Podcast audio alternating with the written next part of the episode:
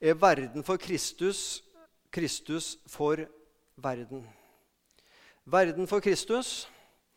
Vi, når vi snakker om GF, så er jeg tilbake til GF 2006 i trønderhovedstaden Trondheim. Og Der var det en uh, stevnesang. Det lages. Og, Den husker jeg fordi den heter 'Verden for Kristus, Kristus for verden'. Og ikke bare det, fordi at På DGF der så var det en sånn døvetolk som gjorde bevegelser. Eh, og Den døvetolken var filma, så det kom på ene skjermen så så du døvetolken gjorde disse bevegelsene. Jeg husker hun minstejenta. Hun er blitt 20 år etter hvert, men hun satt med store øyne av åtte år den gammel og, og kikka på den døvetolken og husker godt den sangen og lærte seg bevegelsene. Verden for Kristus, Kristus for verden, verden for Kristus. Vi vil rekke lenger ut. Verden for Kristus, Kristus for verden. Vi vil takke deg, vår Gud. Jeg har dobbeltsjekka bevegelsene med Rolf. Han kan det der, og det stemte. Verden for Kristus, Kristus for verden. Verden for Kristus er NLM sitt motto. Og så har jeg tenkt på det Kristus for verden, det må være Guds motto. Kristus er for verden. Kristus er ikke mot verden, mot mennesker. Men Kristus er for mennesker. Hva skal vi da si til dette? Er Gud for oss? Hvem kan da være mot oss? Han som ikke sparte sin egen sønn, men ga ham for oss alle.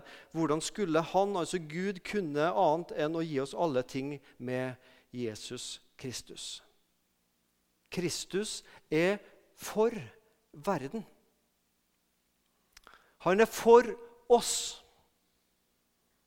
Og Når Kristus er for verden, altså ikke verdsligheten og sekularismen Ikke at Gud tenker 'yes, verdsligheten er god', godt at samfunnet blir sekularisert og mindre plass til meg. Nei. Men verden her betyr ikke den syndige verdenen, men det betyr syndige mennesker. Gud er for synderen. Og er Gud for verden, er Gud for oss, så er Gud for deg. Og Gud er for meg. Som enkeltpersoner. Jeg har lyst til å snakke litt i dag om Kristus for verden, som egentlig er grunnlaget for at vi kan ha verden for Kristus. Og Det kunne sikkert vært mange bibeltekster å hente eh, tankene fra.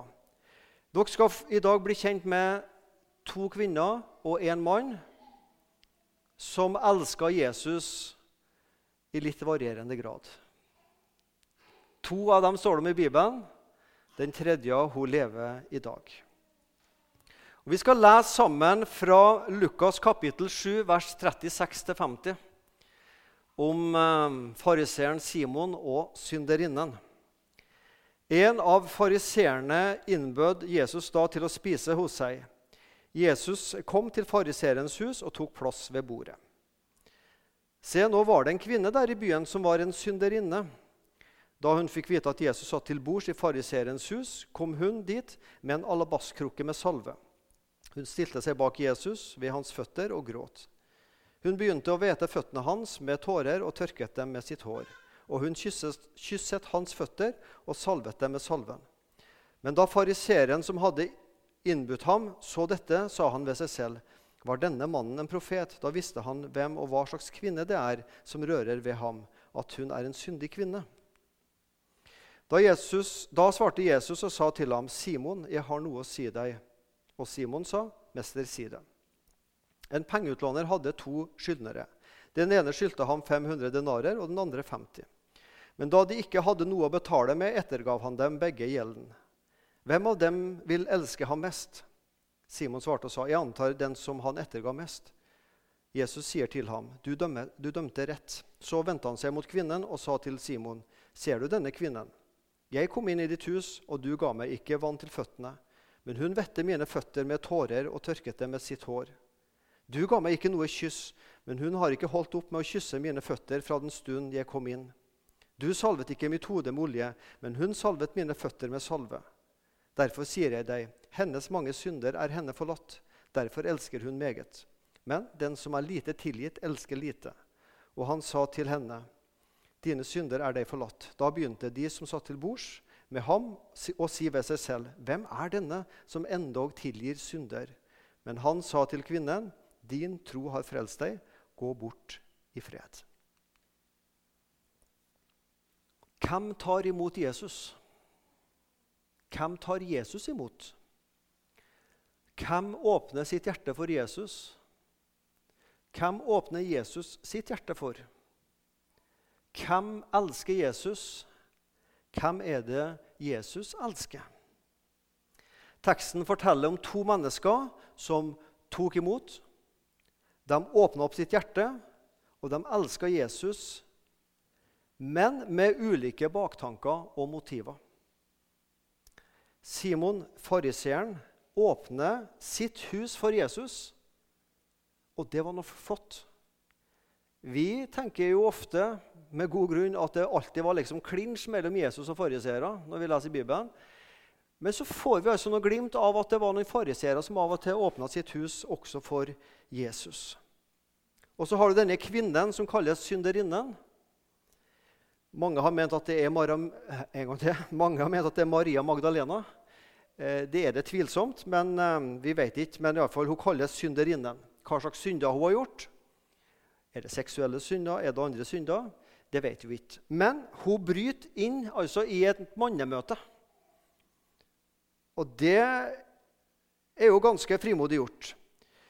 Det går på høflighet og god oppførsel, sosiale grenser mellom kjønn og rang og anseelse. Det hender jo det kan komme en kvinne innom et mannsmøte eller en mann innom et kvinnemøte i dag òg. Det er ingenting mot det det var denne gangen her. To mennesker, Simon og synderinnen, så ulike på mange måter, men likevel med noen veldig grunnleggende likheter. Vi skal ikke alltid sammenligne folk, men om vi skulle ha sammenligna folk og på en måte gitt terningkast til livet til Simon og synderinna, så kunne det vel være at synderinna fikk terningkast 1, og vi tenkte at Simon han gir vi terningkast 6, for han lever flott og fint. Mulig. Det betyr ikke så mye her. Begge to tar en sjanse. For hun er det jo ganske høy risiko å gå inn på et sånn mannsmøte og bryte disse sosiale grensene. Og Iallfall når hun hadde det livet hun hadde bak seg. Han tar også en sjanse, fariseeren Simon. Han inviterer Jesus til å spise hos seg. Og det kan jo være det at han hadde en tanke om en sånn at skal tro hva mine fariservenner vil si nå. Vi som krangler så ofte med Jesus. Og så har jeg invitert han. Blir jeg utstøtt av den gode, ja, den gode gjengen? Hva vet vi? Nikodemus kom om natta, litt sånn, kanskje litt skjult. Simon inviterer ganske åpent Jesus inn. Ja, flott, Simon. For denne synderinnen så tror jeg at Jesus var målet mens for Simon så ble Jesus kanskje et middel. Kanskje tenkte Simon at uh, denne Jesus uh, Det skjer ting rundt han. Mange følger han er litt populær. Så det er godt å ha det også på CV-en. Liksom at uh, han har vært inne i mitt hus også. Et middel til popularitet. Hva vet jeg? For synderinna var Jesus ikke et middel, men målet. Behovet for tilgivelse. Synderinna hun var seg sjøl fullt og helt. Hun levde en ærlighetsteologi. Her er mitt liv, sånn er jeg. Simon han begynte på dette som vi kaller å sammenligne seg med. Han var litt sånn moralsk indignert over andre mennesker. Hun er annerledes enn meg. Visste du Jesus det livet hun hadde? Du skal bare visst Jesus hva slags liv jeg har. Jeg fortjener at du kommer til meg, mer enn at du bruker tid på den kvinna der. Og Så forteller, denne, forteller Jesus denne lignelsen om 550 denarer. En, en, denar var en dagslønn, så det var 500 dagslønner. Det er mye penger, det. Men også å få ettergitt 50 er, det er en del, det også, hvis vi sammenligner det med dagslønna i dag. Men Jesus sitt poeng den som har synda mye og bekjenner mye, får mye tilgitt enn den som bare syns at det er småtteri, det jeg legger fram for Jesus med mitt liv. Den som har fått mye tilgitt, vil elske mer enn den som har fått lite tilgitt. Begge to fikk en ny start i livet. Det er jeg ganske sikker på at denne kvinna fikk. Men kanskje hos Simon så ble det ikke først og fremst en ny start, men eh, litt mer sånn Jesus gir meg litt mer fart i det livet jeg allerede har. Hjelp meg, Jesus, å pusse opp fasaden min, sånn at jeg enda mer kan skinne som det åndelige, religiøse mennesket jeg er. Hvordan tenker vi om Jesus? Hvordan tenkte denne kvinna og denne fariseeren om Jesus? Forbilde, fasadepusser, filosof eller frelser? Har du fire f-er hvis du vil ha det. Er Jesus en filosof? Har Jesus gode tanker og meninger? Ja. Han er jo sitert i dag av folk som ikke bryr seg om Jesus også. Er han et eh, forbilde? Ja, det er han for mange. Er, en, er Jesus en fasadepusser? Hjelper meg å skine litt mer? Nei. Kanskje Simon håpa på at Jesus skulle hjelpe til å få den religiøse fasaden til å skine litt mer. Jesus er ingen fasadepusser. Han kan godt være en filosof og et forbilde, ja. Men han er først og fremst en frelser. Det hadde ikke Simon behov for. Det hadde kvinner behov for. Jesus, jeg trenger deg som min frelser. Verden for Kristus. Kristus er for denne synderinna. Han er ikke imot henne, han er for henne. Kristus var også for fariseeren Simon, men Simon hadde bare behov for Jesus som en sånn fasadepusser. Så kunne vi ha brukt mer tid på den eh, fortellinga med Du gjorde ikke sånn, Simon, men hun gjorde sånn. Og, og sammenligna, men vi skal ikke bruke mer tid på det. Noe av mitt poeng å få frem her, det er ordet 'annerledes'. Kvinna, synderinna, var på mange måter annerledes enn fariseeren Simon. Veldig ulik. Og vi kan møte mennesker jeg gjør det der jeg, ikke så ofte, der jeg ofte ikke bruker så mange sekunder på å gjøre meg opp en mening. Han er sånn, og hun er sånn. ja. Mm, ja. Jeg kjenner jo ikke det mennesket, men jeg har liksom nesten allerede gjort meg opp en mening hva, hva slags måte det mennesket skal være. Av noe ytre jeg ser, og så dømmer vi. Sånn kan jeg være, og det kan hende at vi er flere inne her som kan ha det sånn av og til. Jesus og altså Simon og denne kvinna var så annerledes på så mange måter. Og Simon tenkte hun er annerledes enn meg. Og kvinna var nok klar over også at det er en rangforskjell mellom meg og denne flotte fariseeren. Men først og fremst så møter denne kvinna og også Simon en person i Jesus Kristus som er så annerledes enn dem sjøl. Og Denne kvinna møter en mann.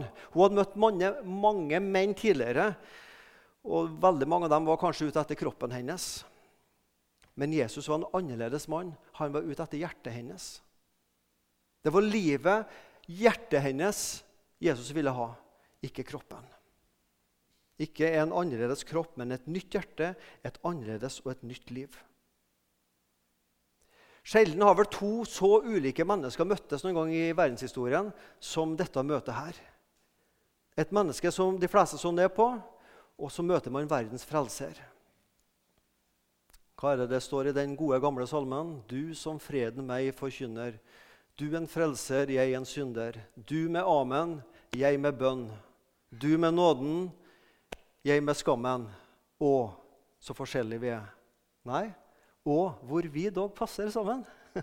Utrolig nok, altså. Likevel så passer vi sammen, Jesus og meg.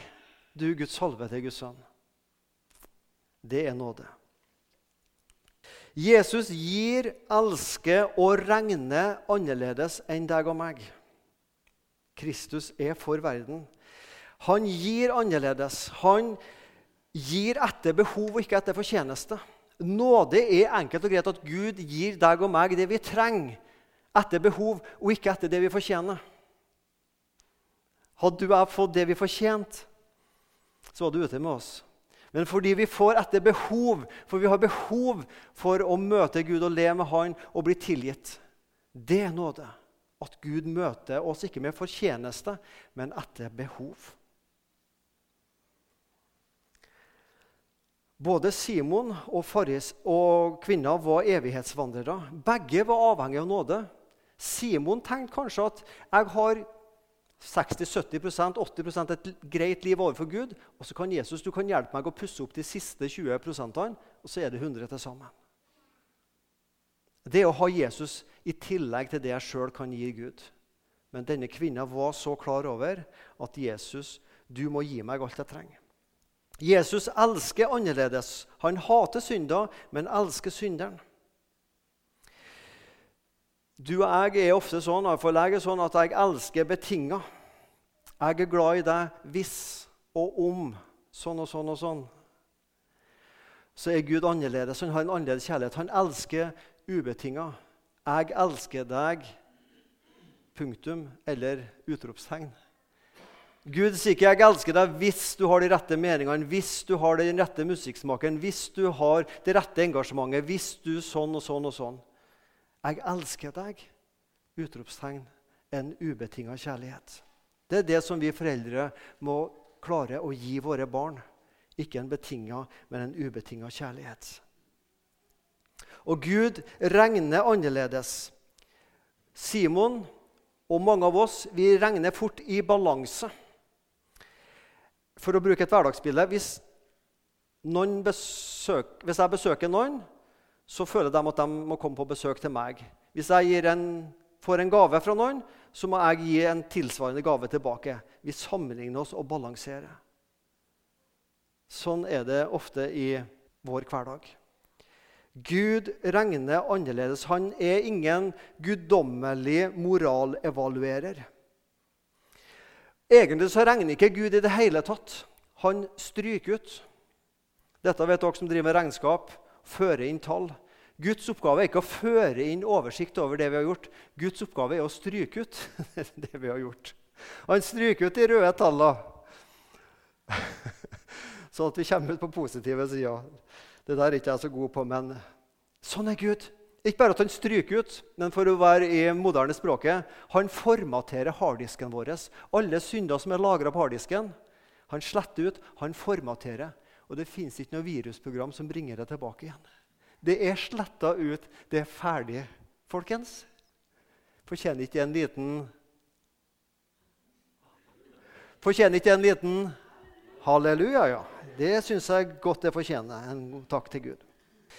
Jesus gir, elsker og regner annerledes, og Jesu død var annerledes. Det er ingen av oss som sannsynligvis kommer til å bli korsfesta. At Jesus ble korsfesta, var det, ja, det var jo spesielt. Men det var ikke unormalt. Jesus er ikke den eneste i verdenshistorien som har blitt korsfesta.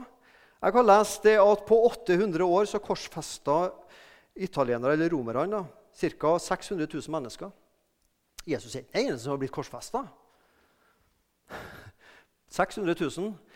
Men det er bare én som har kommet tilbake til livet.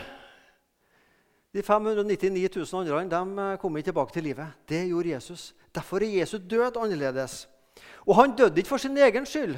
Det kan godt hende mange av de andre også døde en uskyldig død, at de ikke hadde grunn til å bli drept. Men Jesus døde under Guds dom med sitt liv. Det er en annerledes død. En dag så skal du og jeg dø hvis Jesus ikke kommer igjen før den tid. Vi skal dø, og av vår død så lukter det død. Det dufter død av vår død. Av Jesu død så dufter det og lukter det liv. Guds liv, et nytt liv, et annerledes liv. Verden for Kristus. Kristus er for verden.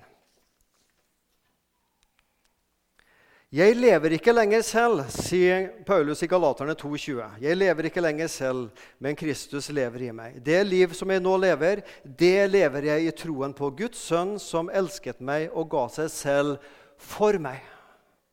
Kristus for verden, Kristus for meg. Han ga seg sjøl for meg. For synderen. Kristus elsker synderen, ikke synder og verdsligheter, men verden i form av synderen. For meg Hva blir det på engelsk? Ja, Det kan være mange ting. Men det kan også være me too.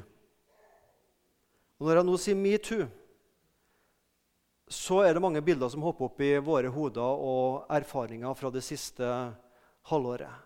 Fra de første Twitter-meldingene i um, oktober 17 om sextrakassering i USA, så har dette blitt en gedigen sak i verden. Sosiale medier, kampanjer om uønska seksuell oppmerksomhet. Metoo. For meg. For meg. Jeg ønsker en ønska åndelig oppmerksomhet. En ønska personlig oppmerksomhet fra Kristus. Der noen opplever en uønska grenseoverskridende atferd, så har jeg et ønske om et personlig åndelig berøring av Jesus Kristus. Metoo. Meg også. Og denne kvinna, og Det står at hun er synderinnen. Igjen, Hva som ligger i det, det blir bare spekulasjoner. Men kanskje var det også ei som har blitt utsatt for seksuell trakassering. Metoo. Og så møter hun en helt annen mann som møter henne på en annen måte, sånn at hun kan si det er også for meg. For me too. Evangeliet er også for meg. En helt annerledes mann, et helt annerledes budskap. Evangeliet er bare gode nyheter hvis det kommer fram i tide. Kvinna tok en sjanse med å komme inn på dette møtet, men der møtte hun evangeliet. Hvis hun ikke hadde tatt den sjansen, så hadde hun kanskje gått glipp av det for alltid. Hva, hva vet vi?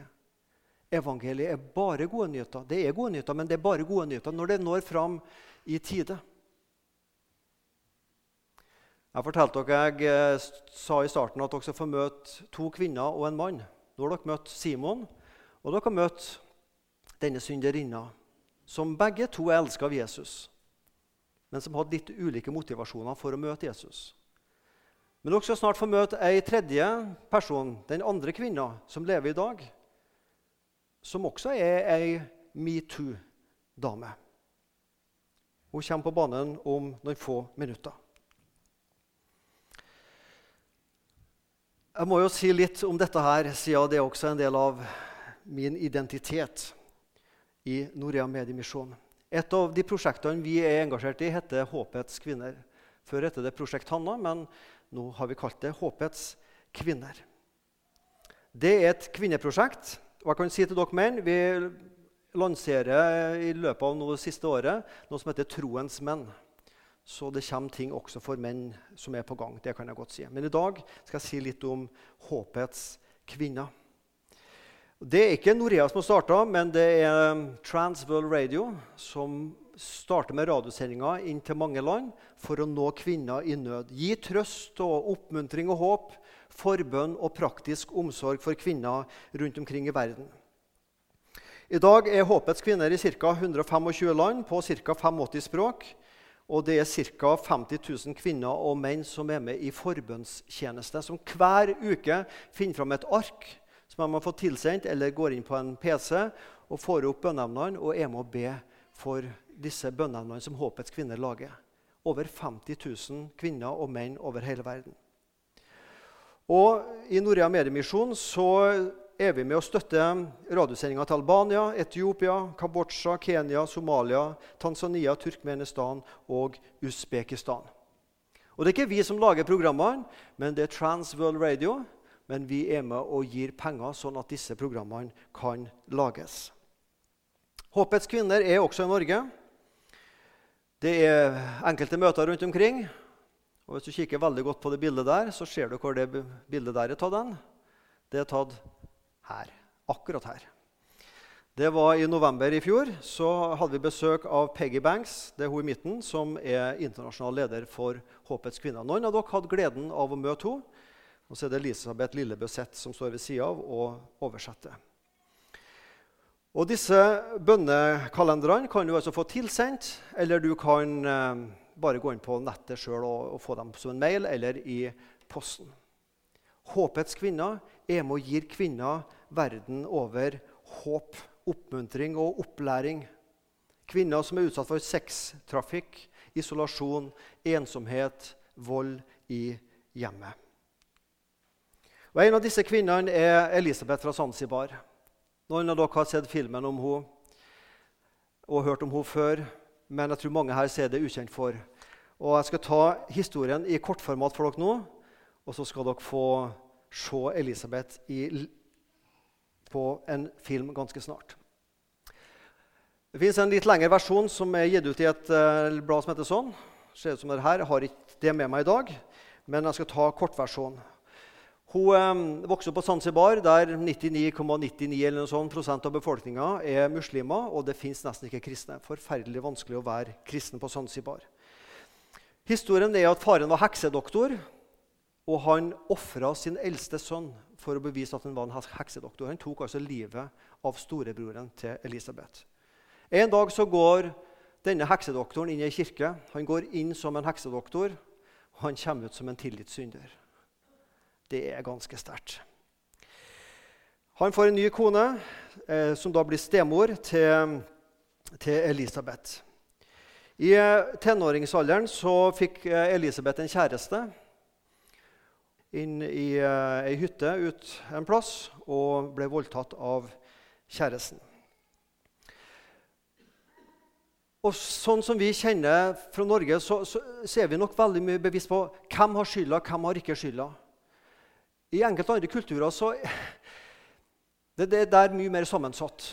Og den som er et offer, går også og kjenner på skyld og skam urettmessig. Og det gjorde Elisabeth.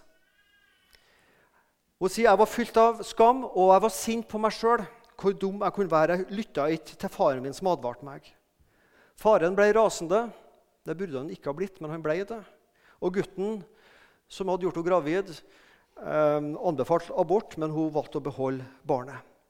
Og I denne tida så var det stemora til Elisabeth som fikk veldig betydning. For stemora hun lytta til Håpets kvinner sine kvinneprogrammer. Radioprogrammet Håpets kvinner. Og Hun fikk Elisabeth til å lytte til det her og bli med i ei bønnegruppe. Elisabeth valgte å beholde barnet, som hun ga navnet Grace, som betyr nåde. Og som Elisabeth sjøl sier, jeg håper og drømmer om at barnet en dag skal bli advokat Kanskje kan hun gjøre noe med all her, urettferdigheten her på Zanzibar. Elisabeth valgte livet. Hun var en metoo-dame. Og Jeg skal avslutte denne talen med at dere skal få se en liten filmsnutt om Elisabeth. Ikke selve filmen om henne, men dere skal få se Elisabeth og så skal vi høre på en sang samtidig som heter 'No Longer a Slave'. Og Den er på engelsk, derfor skal jeg ta litt hva den handler om. Det handler om at når jeg har møtt Jesus, så er jeg ikke noen slave lenger, men jeg har blitt Guds barn. Jeg er utvalgt fra mors liv, fra mors mage av, og din kjærlighet har kalt på meg. Jeg har blitt gjenfødt inn i Guds familie. Ditt blod, Jesus, flyter nå i mine årer. Vi er frigjort fra det som binder. Vi er Guds sønner og Guds døtre.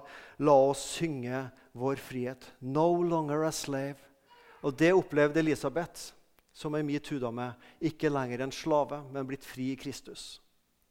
Kristus for verden, verden for Kristus. Kristus er for synderslaver som deg og meg.